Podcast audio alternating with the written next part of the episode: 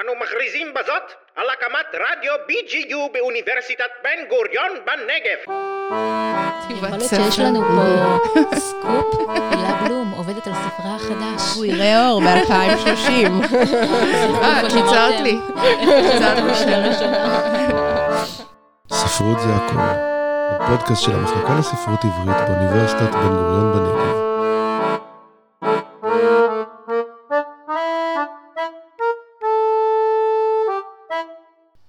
שלום למאזינים ולמאזינות שלנו, אני גלי סיטון, ולצידי יושבת תמר סתר.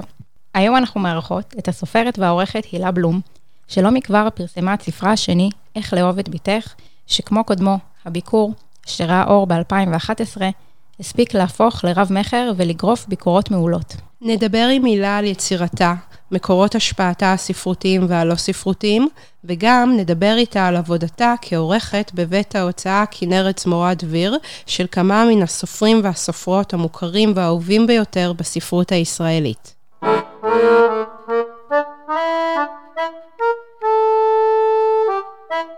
הילה, איזה כיף שאת פה. וואי, ממש. כיף. תודה שהזמנתם אותי. תודה רבה שבאת. יש לך קילומטראז' מרשים מאוד בתוך עולם המילים והספרות. בשירותך הצבאי היית כתבת בעיתון המחנה, ולאחר מכן היית עיתונאית בידיעות תקשורת, כתבת ביקורות ספרות, וכיום את אחת האורחות המוערכות והנחשבות ביותר בתחום, וגם סופרת שכתבה שני רבי מכר ומנחת סדנאות כתיבה. תוכלי לומר לנו, מתי היה הרגע שבו הבנת שהאהבה שלך לעולם הספר הופכת למקצוע, והאם בכלל היה לך רגע כזה? אני חושבת שקשה לדבר על רגע כזה. אני יכולה להגיד שמהיום שידעתי לקרוא ולכתוב, אז קראתי וכתבתי, אז תמיד כתבתי. ותמיד קראתי הרבה, וזה היה חלק משמעותי מהחיים. דמיינת שזה בתור- יהפוך למקצוע? אז אני אגיד לך, בתור סטודנטית זה לא סוד שהיה לי חלום, אני חשבתי תמיד שאני אתעסק גם עם מילים, באמת כמו שעשיתי בצבא, וגם אחר כך התפרנסתי מ- מכתיבה בעיתונים, כמו שהזכרת, אבל אה, רציתי להיות מתמטיקאית, ואלה הלימודים באמת שהתחלתי באוניברסיטה. מהר מאוד הבנתי שהיכולת שלי להצעיד את התחום קדימה תהיה... לא קיימת, בוא נגיד ככה. בקושי להתעלות על הפגוש של זה כשזה נוסע, הצלחתי, אז פרשתי. ובאמת הלכתי ללמוד ספרות אנגלית, ובמקביל עשיתי גם BA כלילי, שרובו היה בספרות עברית. שם uh, בעצם פגשתי פעם ראשונה את יגאל שוורץ, שזה אחד מרגעי המזל הבולטים בחיי. באיזה שנה זה היה? או-אה, וואו. אני הייתי אז בת 24. אני היום בת 51. תחשבו, אני פרשתי ממתמטיקה. אנחנו לא ניסינו. 27. הגיל- הגיל- הגיל שלך, לא? יגאל הוא מהמורים האלה הנדירים, שהקשב שלו לסקרנות של תלמידים, וגם לנטיות הלב שלהם, אבל בעיקר ליצירתיות שלהם, הוא, הוא פנומנלי. באמת, עם הרוח הגבית של יגאל, אני חושבת שעזרה לי מאוד, לא חושבת, אני יודעת שהיא עזרה לי מאוד למצוא את הכיוון שלי, למצוא את החשקים שלי בתוך התחום הזה של הכתיבה, למה באמת אני נמשכת ושואפת. וכשסיימתי את התואר, אמרתי ליגאל שאני רוצה להיות עורכת, יגאל חשב שכדאי מאוד שאני אמשיך גם באקדמיה, אבל, אני, אבל כמו שאמרתי קודם, הוא היה מאוד קשוב, ודרכנו נפרדו. התחלתי לעבוד באיזושהי הוצאה לאור קטנה של אה, ספרי אה, לימוד בעיקר, ובאיזשהו יום, שנתיים אחרי זה, הוא התקשר אליי. הסתבר שהוא פגש את אה, אוהד זמורה, באיזשהם נסיבות. ואוהד שאל אותו אם הוא יכול לחשוב על שמות של אנשים צעירים עם פוטנציאל עריכה, והוא זכר תלמידה שהייתה לו שנתיים קודם, זאת אני, ומצא את הטלפון והתקשר ואמר לי, צפי לטלפון מאוהד זמורה, זהו. ככה עשיתי את הדרך לעלות על המסלול המסוים הזה של עריכה, עם עוד כמה דברים שקרו באמצע, אני מקצרת. ואני חושבת שזה מזל גדול בשבילי, למה? כי אני מניחה, בסדר, יש לי כישורים מסוימים שהם טובים למקצוע, אבל זה מסוג המקצועות שממקסמים גם צדדים שבמקצועות אחרים יכולים להיות מאוד בעייתיים, או נניח פחות אהודים ופחות מועילים, למשל פרפקציוניזם, שזה בסך הכל שם יותר אה, נחמד לאובססיביות, ואלה דברים... רעיונות עבודה אומרים כזה, מה החולשה שלך? "אה, אני פרפקציוניסט. אז, אז עריכה היא כמובן גם uh, משרתת את הסקרנות האינטלקטואלית שלי ואת היצירתיות, אבל גם עוד צדדים שהם גם חלק מהמערך הרגשי שלי והם מאוד מאוד טובים לי. אני אוהבת את זה שצריך לרדת לפרטים הכי קטנים, אני אוהבת את הקריאות החוזרות, uh, האיזונים והבלמים האלה הם מאוד מדויקים בשבילי. אני עדיין נהנית לפתור חידות במתמטיקה, אבל... Uh, מדהים. האם במסגרת של קריירה שבה את נדרשת לקריאה מקצועית ולליטושים רבים של כתיבה של אחרים ואחרות, דהיינו אובססיביות ופרפקציוניזם, אה, האם את מצליחה לנתק את הקריאה המקצועית בספרים שאת קוראת להנאתך ופשוט להיסחף אחרי ספר? ואם כן, האם את רוצה להמליץ לנו על ספר כזה שקראת לאחרונה, שגם אנחנו ניסחף? וואי, אבל רגע, אני חייבת להגיד שכאילו ב- בטיוטה של השאלות, הייתה שאלה מקדימה, האם את קוראת ספרים להנאתך? כי אני כן, כאילו, נכון. התפיסה שלי אומרת, איך מישהי שמתעסק כל כך הרבה בעריכה וזה, איך כאילו עוד נשאר כוח לקרוא ספרים לכיף, להנאה, ל... לא, בטח שנשאר, אבל זאת שאלה טובה. זאת נשאר מחייכת לעצמי, כי אני חושבת על זה שאם נניח אני בבית קפה ואני רואה שגיאה בתפריט, אני צריכה להזכיר לעצמי, ועם עם השנים פחות, כי כבר הזכרתי את זה לעצמי הרבה, שזה שכתוב קורסון לא אומר שהקרואסון לא יהיה טעים ולא יהיה טרי, ואולי לפעמים אפילו יותר, אבל הנוקדנות הזאת היא מאוד מאוד קשה, היא, היא מעיקה, היא מכבידה, וזה לא כל כך אקוטי. לא אם יש שגיאה ולא אם יש רווח ולא כלום. כמובן שבספרים, מאחר שזה חלק מצורת ההגשה וזה כן. חלק מהדבר, אנחנו משקיעים המון המון מאמצים שזה לא יהיה. אבל uh, צריך להיפטר מהנוקדנות הזאת. אני משתדלת להיפטר ממנה עם השנים, להפך, לא לתדלק ולתחזק אותה, אלא, אלא לשחרר אותה. שוב, לא, לא בספרים, אלא בכל דבר מסביב. לספרים יותר קל לך להתמסר? בוודאי שאני קוראת מחוץ לשעות העבודה, אני חייבת את זה. זאת אומרת, אני ממש לא יכולה לדמיין מצב שבו אני אקרא אך ורק לעבודה, זה ממש ממש חשוב לי. אבל נכון, אין סוויץ'. אני לא יכולה להדליק ולכבות את הסוויץ' הזה של העורכת. כעורכת, הקריאה שלי של ספרים היא לא קריאה מקבלת כנתון, כמו שרוב האנשים הקוראים, הם קוראים ספר, הוא נתון להם. אני, כל ההתניה שלי זה לחשוב על זה בתור פוטנציאל. זה בדיוק הדבר שמאוד מאוד קשה להרפות ממנו, הרי את לא מחליפה, זה לא שעברת מנהלי עבודה לנהלי בית. עכשיו, באמת אינדיקציה. הרבה פעמים אני, בזמן שאני קוראת, אני חושבת על כל שאר האפשרויות, הן מאוד מאוד נוכחות לי, אוי, חבל, היה יכול לקחת קר. אינדיקציה לזה שספר הוא נהדר בשבילי, שאני באמת מרפה מזה, מצליחה להתמסר לו, ואז זה מדבר פשוט בעד עצמו. ויש לי נטייה, אם אתם שואלות על המלצה, אני חושבת שאני מזהה לאורך השנים, מבינה שקצת כמו הדברים שאני כותבת, הספרים שאני הכי נמשכת אליהם, זה מה שאני קוראת דרמות חדר, זה דברים שמתעסקים ביחסים בין אישיים, והם יכולים להתרחש לצורך העניין בין ארבעה קירות, לגמרי, מההתחלה ועד הסוף, הם דברים עולמות פנימיים ור, ורגשות, ובעיקר מערכות יחסים. זה מעניין שאת אומרת את זה, כי זה גם איזושהי נקודה ש, שאני ונתמר דיברנו עליה, שזה גם מאוד נוכח בכתיבה שלך. כאילו, את מאוד uh, מתמקדת גם בעולם הפנימי, גם uh, מפרקת את התא המשפחתי, זה משהו שכזה חזר נכון. כמה פעמים. גם מה שאני מאוד אוהבת, מחפשת בתור קוראת. באופן טבעי, מה שאת אוהבת לקרוא זה גם מה ש... ברור שלפעמים, את יודעת, את יכולה להיתקל באיזשהו ספר שהוא ספר יותר רחב יריעה, או איזשהו אפוס, ועדיין להימשך אליו, אבל בפירוש הנטייה שלי זה לספרים מהסוג שציינתי, גם בתור קוראת להנאתי, לצורך העניין. אפשר לצאת לטבע הגדול, אפשר לצאת למבנים חברתיים גדולים יותר, לפוליטיקות, לשאיפות לאומיות, גם בכתיבה וגם בקריאה, אבל טבע הוא לא פחות גדול ואינסופי בכניסה פנימה, ואני מאוד מאוד מסוקרנת שם, זה רלוונטי לי באופן מיידי, זה מעסיק אותי, מעסיקים אותי גם יחסים בתוך המשפחה, המשפחה בעיניי זה מקום שיש בו כן, הכל. מה כאילו בתא המשפחתי קוסם לך? מה לא?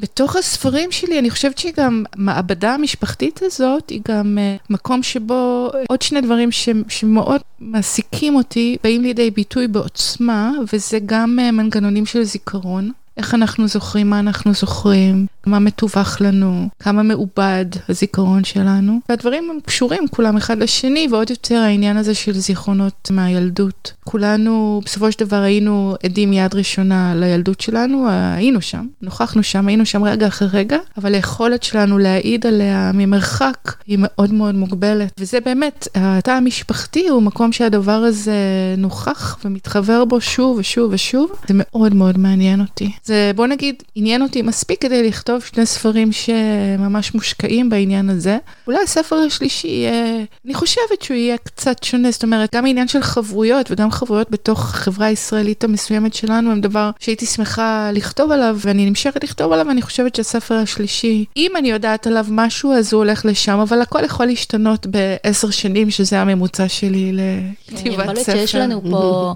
סקופ, הילה בלום עובדת על ספרה החדש. הוא יראה אור ב-2030. אה, שאמרתם. לי. קיצרת לי לראשונה.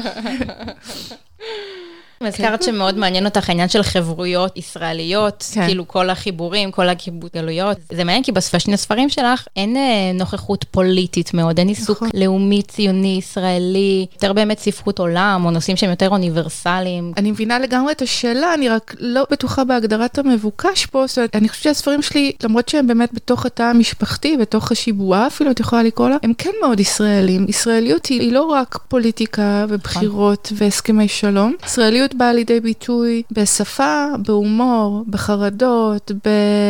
מקומות. ב- במקומות, בנורמות של גידול לילדים, זוגיות. כן, כל דבר כזה, אני חושבת שזה כן לגמרי קיים, גם בשני הספרים שכתבתי, זה נכון, תשמעו, העניין הזה של כפר גלובלי הוא, הוא לא סתם אה, איזה אידיום, זה נכון. כמו שנערה היום נניח, היא אזרחית הטיק טוק, לפחות כמו שהיא אזרחית ישראל, נערה ישראלית, אז גם הילדה בספר שלי היא אזרחית הפייסבוק, בדיוק כמו שהיא אזרחית ישראל, אז היא, היא הרבה דברים שחלקם הם רק ישראלים. אני כאן חושבת שאלה ספרים מאוד ישראלים, זה נכון שבסופו של דבר, אבל גם נדמה לי שכל סיפורת, בסופו של דבר היא תמיד אה, חותרת לאוניברסלי, גם כשהיא מעוגנת בפוליטיקה מקומית ובהיסטוריה מקומית, או או- במלחמות ספציפיות, או במאבקים ספציפיים, באסונות טבע ספציפיים וכולי וכולי. בסופו של דבר היא תמיד חותרת ליסודות שהם אוניברסליים. אבל אני חושבת שהעניין שאצלי לפחות מאוד העיר את העניין האוניברסלי, זה האופן שבו את מתחברת לסופרות אחרות, לדוגמה אליס מונרו ומרגרט הטווד, בעניין של משהו מאוד אפל שנמצא מתחת לפני השטח, וכל הזמן מאוים למוטט את הסדר. כלומר, זה משהו שבאותה מידה הסיפור המשפחתי הזה היה יכול להיות גם, הוא בהחלט מאוד ישראלי, אבל הוא בהחלט גם היה יכול להיות במקומות אחרים. כן. במובן הזה שאת...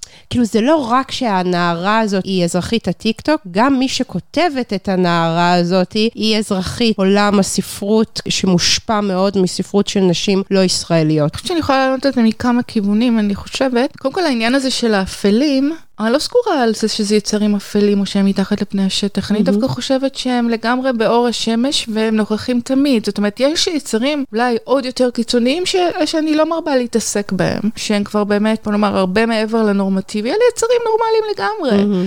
אגו, קנאה, תסכול, נרקיסיזם, אלה דברים ש- שאנחנו חיים איתם כל הזמן, תמרנים איתם כל הזמן, לדעתי הם, הם כל הזמן שם תמיד, פשוט צריך אולי לקרוא להם בשם או להצביע עליהם. אז זה בעניין של התא המשפחתי. אני חושבת, אני מנחשת, שהסיבה שבספר הנוכחי, אני באמת מרפררת או מצטטת ומתייחסת לשפות מחו"ל, אני חושבת שזה כבר קשור לנטייה אחרת שלי, בגלל שאני עורכת, אני איכשהו הרבה פעמים נמנעת מלייצר איזושהי היררכיה בתוך ספרות ישראלית, סתם כי זה פשוט מכניס אותי לפינות שלא נוחות, לא נוח לי להיות. ברגע שאני מצטטת, נניח שאני, ו- ואני לגמרי מושפעת מספרות ומושקעת, ספרים ישראלים טלטלו את עולמי, אבל ברגע שאני אפילו אתחיל להגיד שני שמות, אני כבר מתחילה לחשוב על מי לא אמרתי. הנה ו- הפוליטיקה שחיפשנו. בדיוק. אני מודה שאני לא חשבתי על זה עד היום, אבל אני חושבת שזה, שבאופן תת-מודע אני, אני מרחיקה את עצמי ממקום שבו אני צריכה לבחור במעגלים הקרובים, פשוט כי זה מקשה עליי, מ- מ- מסיבות חוץ-ספרותיות, ובוודאי אבל שגם בספר שלי הדמות הזאת, שהיא חיה במובנים מסוימים דרך סיפורים שהיא קראה, הם אה, מהווים איזשהו פילטר בשבילה ל- לרגשות שלה. הדברים פשוט, לא הייתי צריכה לחפש אותם, הם צצו כל הזמן, זה היה מאוד טבעי, אז יכול להיות שזה מסביר את זה.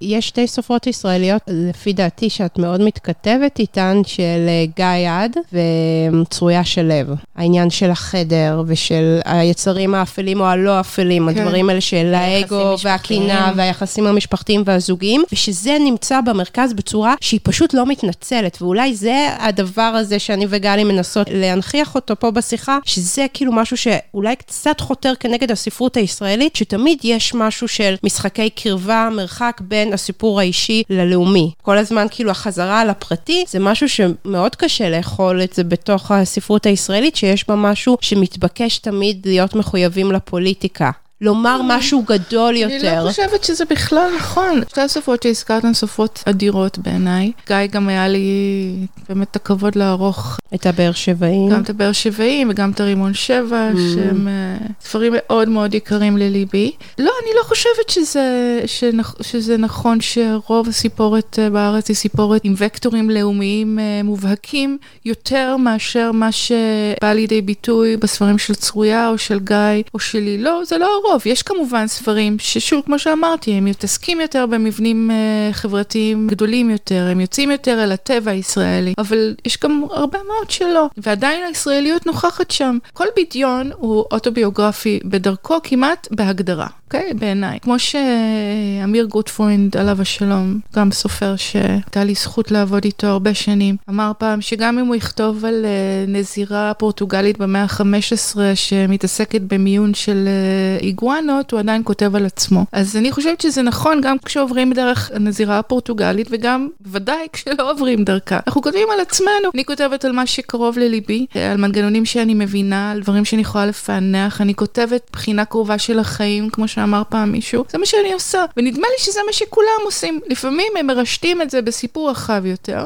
בסופו של דבר, כל אחד מאיתנו חי בתוך גופו, בתוך מוחו, בתוך אורו, בתוך רגשותיו, חי בתוך עצמו. אין דרך אמיתית לצאת מה, מהמקום הזה, וגם, אני גם לא חושבת שצריך. אני לא יודעת אם יש בזה תשובה, אבל בטח ששתי הסופרות שהזכרתי, הן סופרות שאני מאוד מאוד אוהבת, מאוד נמשכת לקרוא אותן. אפרופו באמת הנושא הבינלאומי והקציעה מהגבולות, יש משהו שספציפית בספר השני, באיך לאהוב את בתך, שתפס אותי ואמרתי, וואי, אני חושבת שזה ספר ראשון שאני רואה התייחסות לזה, שזה הכנסתי את העולם של הרשתות החברתיות. ובלי לעשות ספוילרים, אני אגיד ברפרוף, שהבת של הגיבורה מתעסקת ברשתות, והאימא נעזרת ברשת כדי לתווך דברים לבת, או להשיג מידע על הבת, וזה משהו שמאוד מאוד אהבתי, ואני רואה ש... לא יודעת, או שאני לא קוראת מספיק, אבל אני, לא הרבה סופרים מתייחסים לעולם הזה של המדיה. שלי אישית זה מאוד חסר. Mm, מעניין. השילוב של העולם המדיה בא לך בטבעיות? אם היית אה, נוכחת בתהליך הכתיבה שלי, אז את רואה שאני לא מכוונת לכלום.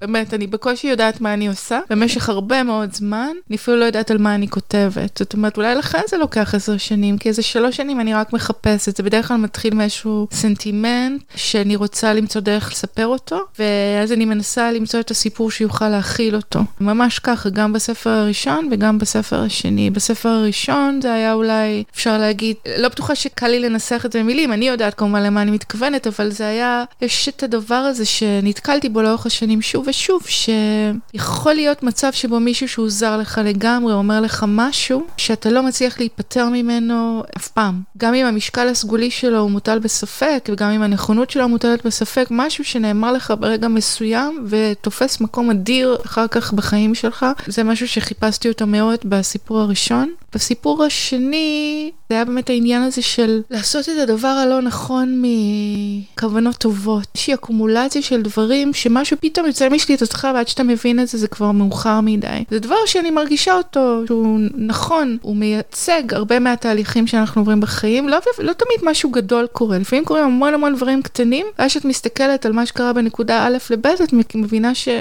180 מעלות. קודם כל אני מחפשת את זה, ואז אני מחפשת את הסיפור, ואז שיש לי בכלל מושג על מה אני כותבת, והסיפור מתחיל להתגבש, אני פתאום מרגישה שאני צריכה איזה משהו. כמו למשל בספר הזה, פתאום נזקקתי לדברים שהם רפרנסים אמיתיים שלי בחיים, והתחלתי לכתוב אותם. שום דבר לא מתוכנן. ממש ממש. זה מדהים מה שאת אומרת, כי לגבי הספר האחרון, איך לאהוב את בתך, יש ממש עניין, אני חוויתי אותו אפילו כספרות של מתח, ספרות שיש בה איזשהו סוד של איך יכול להיות שיחסים כל כך קרובים, עם כל כך הרבה אהבה ותמיכה. והתכוונות ודאגה ואפילו הקדשה של החיים, איך יכול להיות שהדברים יצאו מכלל שליטה. ואני חושבת שהספר מנסה לענות על השאלה הזאת בצורה מאוד מתוחכמת, שהוא כל הזמן הולך אחורה וקדימה בזמנים. וזה מתחבר לי למה שאמרת עכשיו, שיש את הנקודות האלה בחיים. זה כאילו דברים קטנים, אבל אז אולי איזשהו רגע של הערה, שבן אדם יכול להסתכל אחורה ולהבין לא רק את הקו הזה של ה-180 מעלות, אלא גם את כל הדברים המשותפים. רוצות להגיע לדבר טוב, לקשר סימביוטי אפילו עמוק, אבל שיש בו אחיזה מאוד גדולה, ושזו טרגדיה של כל מי שמעורב בה. אני חושבת שזו טרגדיה באמת. נכון, אה, אני גם אה, חוויתי אותו, יש בו משהו מאוד מאוד עצוב וקשה. לא, אבל ברור שבנקודה מסוימת הבנתי שמבחינה עלילתית, לשם זה הולך. איך אפשר לרצות מאוד ולאהוב או לחשוב במושגים של אהבה מאוד, ועדיין להגיע לתוצאות כל כך עגומות. מה שכן היה חשוב לי, בכלל, גם כעורכת וגם סופרת, אני מאוד משתדלת להימנע מתרשימי זרימה. זאת אומרת, מלחבר את החוטים בין א' לב' לג' לד'. באמת, החיים הם נהר של המון המון אירועים. בחיים אין סיבתיות כמו שאנחנו נאלצים לפעמים לייצר אותה בסיפורת, ובטח לא סיבתיות כמו ש... שלפעמים עולה ומתגבשת בטיפולים פסיכולוגיים. זה הכל בדיעבד. כשהדברים מונעים, הם לא מונעים כי א' גרם ישירות לב'. וככה אני גם משתדלת לכתוב, וככה אני גם משתדלת לנווט דברים שאני עורכת. אז כן, אז רציתי לראות איזה אקומולציה יכולה להיות, שהיא באה מהרבה מאוד כיוונים, בו זמנית, ומעורב בה הכל, מעורב בה מטוב ועד רע, ובסוף יוצא רע מאוד. כי יש גם מסתורין מאוד גדול ביצירה שלך, וזה מתחבר למה שאמרת, שאת לא רוצה לפתור את הכל ולחשוב שיש איזשהו נרטיב מוסדר שאפשר נכון. לספר, כי יש דברים שאנחנו פשוט לעולם לא נוכל להבין אותם. גם נכון, אני, אני מרגישה שהכל שם. זאת אומרת, אה, מהבחינה הזאת, כן היה לי חשוב לייצר אה, עולם, כמובן לבדות עולם, שיש בתוכו את כל האמצעים כדי להגיע ל, לנקודת הסיום. אבל אני לא חושבת שאפשר בדיוק לעשות כמו בחבר את הנקודות, למצוא בדיוק את הציור שמסתתר שם, יש שם הרבה מאוד ציורים. זה ממש מעניין, כי יש את הדמות של האימא של האימא של הסבתא, כן. שזו דמות שאני חוויתי אותה, אולי גלי לא, כמייגעת. כלומר, היא קצת כזה הפריעה לי, כי אני נורא התעניינתי ביחסים בין האימא לבת. כן. ולקראת הסוף, אני פתאום מבינה שהנוכחות שלה היא בעצם הרבה יותר חשובה מכפי שהבנתי אותה. כלומר, חלק מהפתרון לסוד, או ל- לדילמה, גם מאוד מצוי ביחסים שם בין הסבתא לאימא. אני מסכימה. מה שמאוד מאוד מעניין זה שבאמת, כשאת כותבת ספר, בטח אם את עורכת הרבה מאוד שנים, ויש לך אה, איזושהי מידה של ניסיון, אז את יכולה לדעת עליו איקס דברים. פחות או יותר אם הוא עשוי טוב, אם הוא זורם, אם הוא רהוט, אבל את לא יכולה לדעת באמת את האלכימיה הזאת הסופית של איך יקראו אותו, ובייחוד אנשים שלא מכירים אותך בכלל, ואין להם שום דרך להשלים את התמונה באופן ספונטני, בשום צורה. המשרה של התגובות שאני מקבלת על הספר הוא, הוא ממש מדהים. זה כאילו ממש נייר לקמוס לקורא. זאת אומרת, אנשים פשוט מזינים את הסיפור במהלך הקריאה, או בחוויה האישית שלהם, או באנטי חוויה שלהם. אני לא יודעת, גם פה קשה לי לשרטט את הרשימה הזו, אבל מאנשים שקשה להם מאוד עם הדמות של האימא, הם חושבים שהיא איומה ונוראה, לכאלה שחושבים שהיא, שהיא פנטסטית, לכאלה שחושבים שהילדה לא בסדר, לכאלה... כן. זה מזכיר לי שכשאחרי שיגאל קרא אותו, ובשיחה הראשונה שהייתה לנו אחרי זה, זה אמר לי, ואני כל כך שמחתי, זה הדבר הראשון אולי שהוא אמר, אמר, טוב, כולם אשמים. אמרתי, יופי, זהו, הכל יופי, מצוין. כולם אשמים ואולי גם כולם לא אשמים. ברור, כן. זה הנגזרת של כן. זה. כולם לא אשמים, כי אם כן. כולם אשמים, אז כן. גם כולם לא אשמים. אני שמחה על זה, משום שזה ספר שהוא פותח, הוא לא- הוא לא סוגר. את מרגישה ש... הרי את הספר הראשון התחלת לכתוב אחרי שכבר היה לך רזומה וקילומטראז' בעולם הזה. זה שהיית כבר עורכת ומנוסה והיה לך ניסיון עם טקסטים, זה היה משהו ששירת את הכתיבה שלך או עצר אותה? לא, לא, לא. כל... קודם כל תקשיבי, כשאת עסוקה במשך שנים בלקרוא טקסטים, ללמוד את צד התפר שלהם, לפענח מבנים ספרותיים, להבין איך סיפורת עובדת, באופן ברור, מובהק, זה, זה משפיע על הכתיבה שלך ולדעתי משרת אותה היטב. אז בטח. קודם כל, מאותו יום שאני עורכת אני גם כותבת. זה שפרסמתי בשלב מאוד מאוחר זה עניין אחר, משום שבאמת אולי ביקורתיות עצמית, נוקשות, אני לא יודעת מה, ש... שלקח לי הרבה מאוד זמן להחליט שכן, עם זה אני רוצה, את זה אני רוצה לשתף את העולם.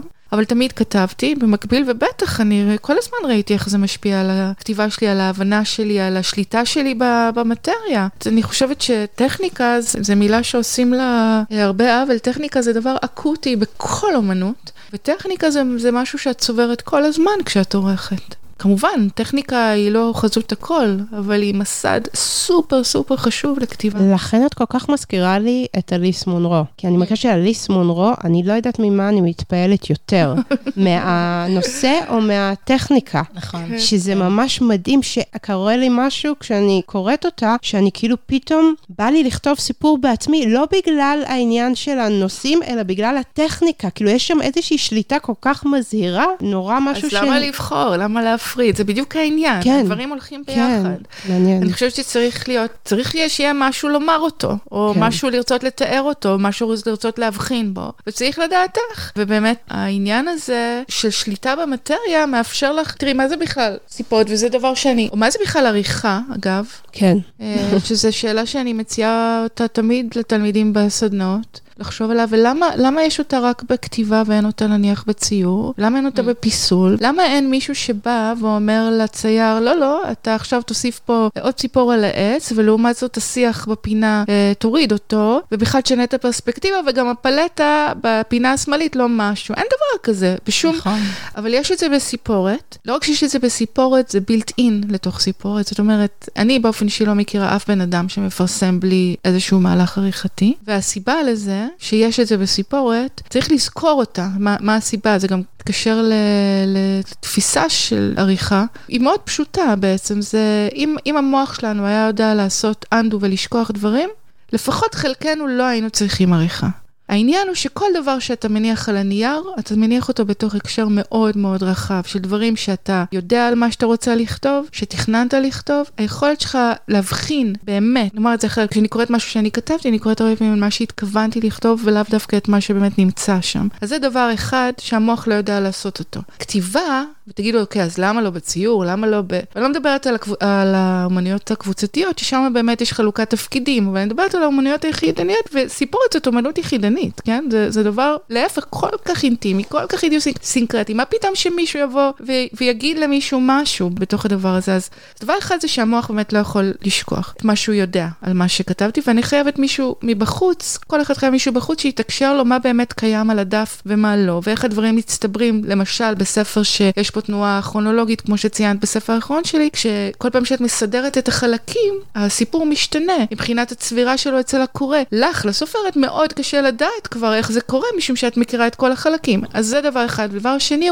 בהבדל בין אמנויות אחרות, זה שסיפורת מיוסדת, יש בה יסוד מאוד חזק של הבנה. אין את זה בציור, אין את זה בפיסול, שם החוויה היא הרבה יותר בלתי אמצעית. הסיפורת מכוונת אותך להבין משהו והיא גם לינארית. נכון שאת יכולה אחרי זה לדלג, מהאמצע התחלה את יכולה לקרוא קטעים נבחרים, אבל הכוונה הראשונית שלה היא נועדה להיקרא מעמוד ראשון עד האחרון, וזה חלק מאוד חשוב בבנייה שלה. ואז צריכה, תמיד, כשאת כותבת, את צריכה לזכור כל הזמן, לא רק מה את רוצה להגיד, אלא לא פחות מזה כמובן מה, מה לא לספר, מה לא להגיד, ומתי להגיד את מה שלא אמרת, אם בכלל להגיד אותו. אז בגלל זה אנחנו חייבים, חייבים את העורך בסיפור. הקטע הוא שככל שהעורך מעורב יותר בתהליך, ונכנס יותר לעומק שלו, הוא מתקרב במובן הזה לסופר. מאבד את האובייקטיביות. הוא, הוא מאבד את היתרון היחסי שלו. עכשיו, ברור שהוא, בסופו של דבר, הוא לא בתוך הראש של הסופר, אבל הוא הולך ומת, ומתקרב אליו. אז יש דברים שאני בתור עורכת, איך אני קוראת קריאה ראשונה אה, של סיפור, תמיד, תמיד אני כותבת לעצמי כל כך הרבה דברים בקריאה ראשונה, כי אני יודעת שיש דברים שאפשר לראות אותם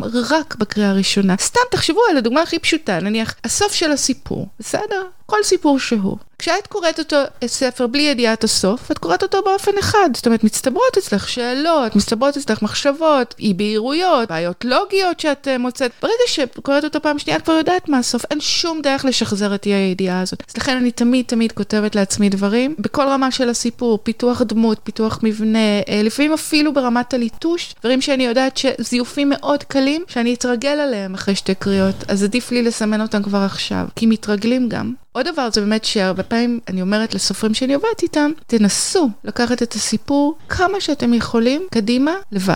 בדיוק מהסיבה הזאת. אני הייתי רוצה להיות יכולה לקרוא את הספר כמה שיותר קרוב לחוויה הסופית של הקורא. עכשיו, ברור שבתור עורכת, גם אני מכירה קצת טכניקות של האזהרה שאני משתמשת בהן וגם ממליצה תמיד לאנשים להשתמש בהן. למשל, להתרחק מהטקסט לכמה זמן, אינקובציה של טקסט זה דבר כל כך חשוב. ממש להתרחק מהטקסט ואז אפשר לראות קצת אה, מחדש, לשנות את הפורמט שבו קוראים. אם אני קראתי פעם אחרונה מהמחשב, אז לקרוא בנייר, לפעמים אני קוראת לפחות חלקים באייפון, אני מרגישה שזאת קריאה אחרת. את עושה לעצמך אזהרות. כן, בטח, משנה את הפונט, משנה את הרוחב שורות, משנה הרבה מאוד דברים כדי ליצור, איכשהו להילחם באוטומציה הזאת ובזה שהמוח שלי ישלים את הפערים שאולי אני צריכה להבחין בהם, משום שהוא יודע מה, למה הוא מצפה, וזה מה שהוא יודע לעשות הרי, לארגן אה, מידע בתוך הקשר. אז צריך כל הזמן איכשהו להתנגד לזה. אז בטח שהעריכה מלמדת אותך, מלמדת אותך המון דברים. אבל היא אף פעם לא יכולה באמת לקחת אותך עד סוף המהלך, ובשביל זה חייבים, עוד חייב, חייבים עוד עין לפחות. לרוב האנשים יש פאנל של קוראים, בדרך כלל אנשים קרובים אליהם שקוראים, שזה מאוד עוזר, וזה גם מאוד tricky. גם בגלל שהאנשים האלה, שוב, אנשים שמכירים אותך, משלימים, תוך כן. כדי קריאה, דברים שלא קיימים על הנייר, בדיוק כמוך, וגם בגלל שלפעמים יש להם רגישויות לדברים שכתובים בטקסט. לא אהבתי את דמות האם. בדיוק. אז לכן גם חייבים את העורך, שהעורך החיצוני, העורך המקצועי, ואני, מה אכפת לי? אני, יש לי את העורך הכי טוב בארץ, אז אה. סבבה לי. מעניין אותי, אבל גם אם יש איזשהו... נגיד, סתם, אני, אני לא מכירה את עולם העריכה, אבל כאילו בדמיון שלי, אם אני מדמיינת כזה סופרים או סופרות לפני הוצאה של ספר, שנורא בלחץ ונורא, או שזה כאילו בדמיון שלי, אני לא יודעת, כן. אבל מעניין אותי אם כאילו אחרי שאת עברת את החוויה הזאת של להוציא ספר, קבל ביקורות, שינויים, תיקונים של הרגע האחרון, האם משהו בתהליך הכתיבה והוצאת הספר שינה את העבודה שלך כעורכת? לא, אני חושבת שהגישה שלי היא קצת, ביחס לעצמי, היא קצת פרוסית בעניין הזה, והיא הרבה הרבה יותר חומלת ביחס לסופרים. זה לא קשה לי, זה בסדר גמור בשבילי. לצאת ולקבל תגובות, שהתגובות הטובות יותר נעימות לי, והתגובות הלא טובות פחות נעימות לי, אבל זה בסדר. אני חושבת שיש אנשים שיותר קשה להם, ואני לגמרי מבינה את זה, מכילה את זה, מצדיקה את זה. מה שכן, אני חושבת שינה קצת את הנוכחות שלי כעורכת, זה דווקא ההוראה. סדנות כתיבה? כן, בסדנאות כתיבה וגם בסמסטר שעבר פה באוניברסיטה בבן גוריון. יש משהו ב... בכלל, כשמלמדים כתיבה, מה מלמדים? מה זה ללמד כתיבה? שאלה טובה. אז אני אומרת שזה, ש- שללמד כתיבה בסופו של דבר זה להציף דברים למודעות. עכשיו, זה לא דברים שאתה עכשיו פעם ראשונה תעשה אותם, אבל אתה פעם ראשונה תקרא להם בשם, והדבר הזה מחדד משהו. אז דווקא עכשיו כשההוראה מצליחה ממני לנסח הרבה מאוד תובנות, לא שרק עכשיו יש לי אותן, אבל הן היו יותר אינטואיטיביות, יישמתי אותן, אבל באופן אינטואיטיבי. בכלל העריכה שלי היא מאוד מאוד אינטואיטיבית. לכן אולי גם קשה לי לנהל את השיחה עם סופרים, שלפעמים חלק מהסופרים מעוניינים בה על מה הספר. אני חושבת תמיד על הלפתוח, על הרזולוציות, על העומק, ולא על לתבנת בחזרה למבט העל. איכשהו, זה סותר הילה? לא אצל כולם. לא אצל כולם, אבל בשבילי זה בכל זאת שני וקטורים שהם נפרדים. יש אנשים שיותר קל להם לעבור בין התנועות האלה, לי יותר קשה. אני כולי מכוונת למיקרומילימטרים ולסיפור היחיד, והרבה פחות לחזור בחזרה, לכ- לכנס אותה בחזרה לתמות הגדולות. זאת אומרת, כצורת חשיבה, כן? ברור שאני יכולה לעצור ולחשוב עליו כך, וכשמבקשים ממני אני גם עושה את זה, אבל זה לא, זה לא משהו שאני עושה באופן טבעי. זה לא מעניין אותי גם כל כך לעשות את זה. זה קצת מתחבר לתחילת השיחה שלנו. יכול להיות. כן, כן. על העניין הזה שאצלי זה היה מאוד ברור, ההתמסרות הלא מתנצלת הזאת לסיפור הפרטי, כן. שבשום רגע לא צריך להיענות למשהו אחר חוץ מלעצמו. נכון, אני לא, אני חושבת שאת צודקת. הם בני דודים אחד של השני, הבנות דודות הנטיות האלה. תוכלי לספר לנו קצת מה בין זה לבין חייך האישיים במובן הזה של את מפרטת מאוד על נסיעות בחוץ לארץ, יש שם קטע נורא יפה שאת מספרת על האתר קרוונים שאתם נמצאים ואת מספרת, פתאום רואים ילד אחד רץ, פתאום שומעים ילדה בוכה, ההבדלים בין האירופאים לישראלים, את יכולה אולי קצת לספר, את אוהבת לטייל בעולם, את אוהבת לטייל באירופה. קודם כל כן, מאוד. אוהבת ונוסעת. אני מאוד אוהבת ערים זרות, מאוד. גם טבע. למשל, לשבת, אני קוראת לזה אה, בבתי קפה שיש להם טלוויזיה, חלון גדול, שפשוט אנשים כן. עוברים על פניי. אני לא יושבת, כמעט אף פעם לא יושבת להסתכל על אנשים, אבל אם אני יושבת בעיר זרה עם הלפטופ שלי וכותבת, ומדי פעם מרימה את הראש ורואה אנשים עוברים על פניי, אז זאת פסגת האושר. לא, באמת. אין, אין, אין מצב נפשי שיותר נעים לי להיות בו. אם גם המשפחה שלי יושבת אה, איפשהו בסביבה, אז בכלל, אני לא יכולה לצאת מחוץ לעצמי כשאני כותבת, אין, אין דרך. אז... הרבה מהפיקסלים בשני הספרים שלי הם uh, לקוחים מהחיים או קרובים מאוד לחיים. מבנה העומק שונה לגמרי. זאת אומרת, אם בחיים מה שאנחנו עושים זה משתדלים לתעל או להוליך או לכוון למהלכים בחיים שלנו שמכוונים לטוב, בספרות את יכולה לתת לזה לזלוג. בספרות את יכולה לעשות אקספרימנטים שהמחירים עליהם הם יחסית מאוד קטנים. אז אני אוספת הרבה מאוד מהחוויות האישיות שלי, ומחברת את זה למבנה עומק שמכיל, לוקח אליו את כל החרדות. מה יקרה אם זה ישתבש, ואם זה ישתבש, ואם זה ישתבש, ומה יקרה אם אני לא אהיה מספיק זהירה. את כל דבר הזה אני מעמיסה על הדמויות שלי. אז כן, מצד שני זה קרוב מאוד לחיים, מצד שני שונה מהם לגמרי. אם היית יכולה לתת טיפ זהב אחד לכותב או כותבת מתחילה, טיפ זהב. אני חושבת, צריך להבין משהו על כתיבה. זה ממושך. זה הטיפ הראשון שלי. להבין שזאת נשימה ארוכה. זאת עבודה, זאת עבודה קשה, במובן, בטח של משך של זמן. וזה מאוד מאוד כדאי להפנים, לפני ש... לפני ש... כשאתה שם בעמך לכתיבת רומן, כדאי שתבין כמה זמן בהשקעה זה דורש. וכמו שאמרתי, אפרופו הזמן בהשקעה, אני חושבת שכדאי ונכון מאוד להשאיר את זה קרוב אליך עד שלב מאוד מאוחר בתהליך. לא לרוץ להכניס פרספקטיבות אחרות פנימה, להתבשל עם זה, לתת לזה לטפוח, כל מה שצריך, כמה זמן שצריך. שוב, זה תובנה, אני לא רוצה שזה יישמע גדול יותר ממה שזה, אבל משהו שמבינים אחרי הרבה מאוד שנים שמתעסקים עם טקסטים, שכתיבה היא לא כל כך פלטפורמה של מה, אלא היא פלטפורמה של איך. בוא נגיד ככה, כשמישהו בא ואומר, יש לי רעיון אדיר לספר, אני ישר מתחילה לדאוג. סיפורת זה לא מדיום של רעיונות אדירים, זה מדיום של איך. אפשר לכתוב את אותם סיפורים במבנה הכללי שלהם שוב ושוב ושוב ושוב, והם עדיין יהיו שונים לגמרי ונחוצים לגמרי. זהו, אני חושבת שזה משהו שכדאי להבין אותו. שעלילה, סטורי בורד וסיפורת אה, טובה ומלאה הם שני דברים מאוד שונים אחד מהשני. לא יודעת אם הזכרנו, אבל אליס מונרו.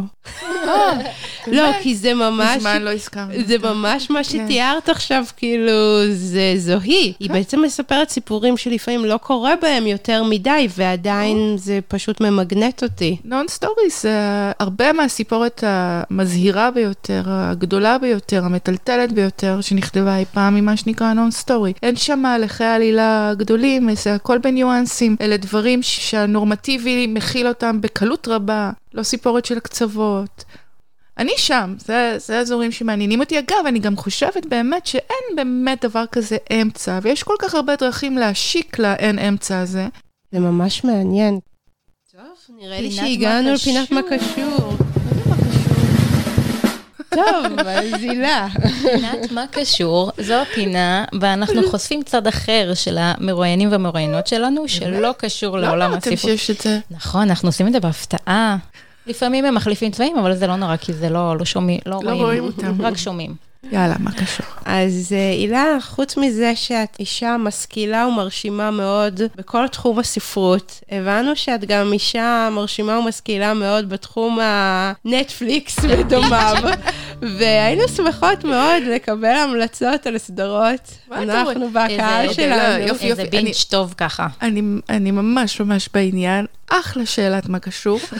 באם.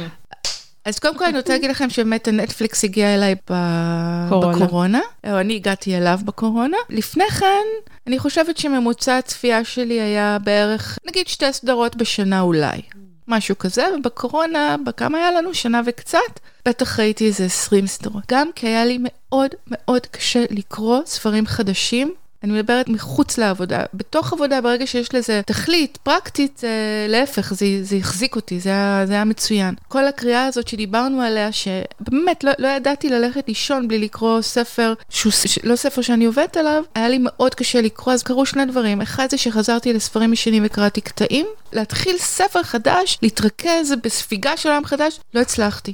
או שהלכתי לנטפליקס, וניסיתי לבנות, לבנות את עצמי כממליצת אה, נטפליקס בפייסבוק, אז המלצתי שם כמה פעמים, נורא נהניתי מזה ממש, זה היה ממש כיף, וכמה סדרות מעולות שראיתי, אז בעצם אני חושבת אחת שהיא ממש חסרת תחליף בעיניי, זה אתוס, הסדרה הטורקית. זאת סדרה שמי שרוצה ללמוד איך לעבוד עם דיאלוגים, חייב לראות אותה. זאת סדרה שהיא כמעט כולה דיאלוגים, שני אנשים יושבים ומדברים, ומה שהם מצליחות, לה... מצליחים, אני לא יודעת מי בדיוק בצוות אחראי על זה, צריכים לעשות, זה פשוט לא ייאמן. איזה מתח דרמטי הם מצליחים לבנות uh, ב... דרמת חדר כזה? כמו- לגמרי. אה, אבל זה ממש, זו סדרה שבה כמעט בכל סצנה, חוץ מאשר אה, שוטים ביניים שהם בהם אין דיבורים, שני אנשים שיושבים ומדברים. לא ראיתם את זה? לא, אוי, ואני זה כאילו, אני הולכת לברוח עכשיו מהחדר, לא לקחת את הבנות שלי מהגן ולצפות לא. בסדרה הזאת. אתוס. אתוס בנטפליקס, לא פחות ממדהימה בעיניי. עכשיו, אני חזרתי, בגלל שהיה לי הרבה פעמים להשלים, חזרתי לקלאסיקות כמו שובר שורות, שכמובן, חברים. צריך לראות אותה, לא, לא. sitcoms אה, פחות, אה, המפץ הגדול, כן, אבל כן. חברים פחות, גם סיינפלד פחות, בשבילי. אפשר להבין מה מצחיק במפץ הגדול? וואי, זה הכל. קורע. זה קורע, הדמויות שם. זה מצחיק, זה מנחם, זה כיף, זה משפחה, בכלל. כן, לא- לא- סיטקומים מאוד בנויים על משפחתיות, זה אתה יודע, נכון. אתה חוזר- משפחתיות שהיא לא של משפחה. אתה נכון, חוזר אליהם, נכון. אגב, גם משפחתיות שהיא כן של משפחה, אתה חוזר אליהם שוב ושוב, רק בגלל הדמויות. ולכן אתה גם אפשר לחזור לפרק, כן. להתחיל מפרק 20 ול- ולקפוץ לפרק 50. אבל הדמויות שם לא מתפתחות. קודם כל הם כן תמיד יגידו את. אותו שלדון הדבר. התפתח מאוד. שלדון מאוד התפתח. חייבת להכיר את שלדון. אוקיי. לא, המפץ הגדול זה זה ממש comforting par excellence. זאת אומרת, אם יש לך יום מבאס, פשוט שבי. אם את יכולה גם תפסי איזה ילד אה, מילדייך, חבקי אותו, ותראו ביחד את המפץ הגדול, לא יודעת, זה תלוי בגיל, זה ממש פתרון מעולה ליום מבאס. ריטה זה גם כן כיף לא נורמלי, אני לא יכולה להגיד שזו טלוויזיה mind blowing, אבל זה מערכת יחסים ארוכה עם uh, קבוצת דמויות דניות. מבחינתי זה דרך יותר מראויה ומומלצת להעביר ערב או לילה. אז בטח ריטה. יש עוד סדרה דנית, אה, לא רעה בכלל, זה בורגן, על אה, ראשת אה, ממשלת דנמרק. אלה סדרות חמודות, אבל באמת כן. סדרות גדולות, זה למשל אתוס שהזכרתי קודם. שזה באמת, זה פשוט, זה, זה שיעור ש... לא יודעת אם אסור להחמיץ, אבל למה להחמיץ אותו אם אפשר לקבל אותו? מביך אותי להיזכר עכשיו באלגוריתם של הנטפליקס בבית שלי, מה הוא מציע לי ומה כאילו. טוב, הילה, היה תענוג מה, לראיין שאלה אותך. אחת ומה קשור? כן. אחת, אה. לא. או, לא, חשבתי עכשיו שייתנו לי... ל- רצף אבחות? כן. אה, אנחנו עדינות, עדינות. כן, היה תודה נפלא רבה שבאת. רבה רבה. עובר מהר, נכון? כן, ממש מהר. כן. מהמם.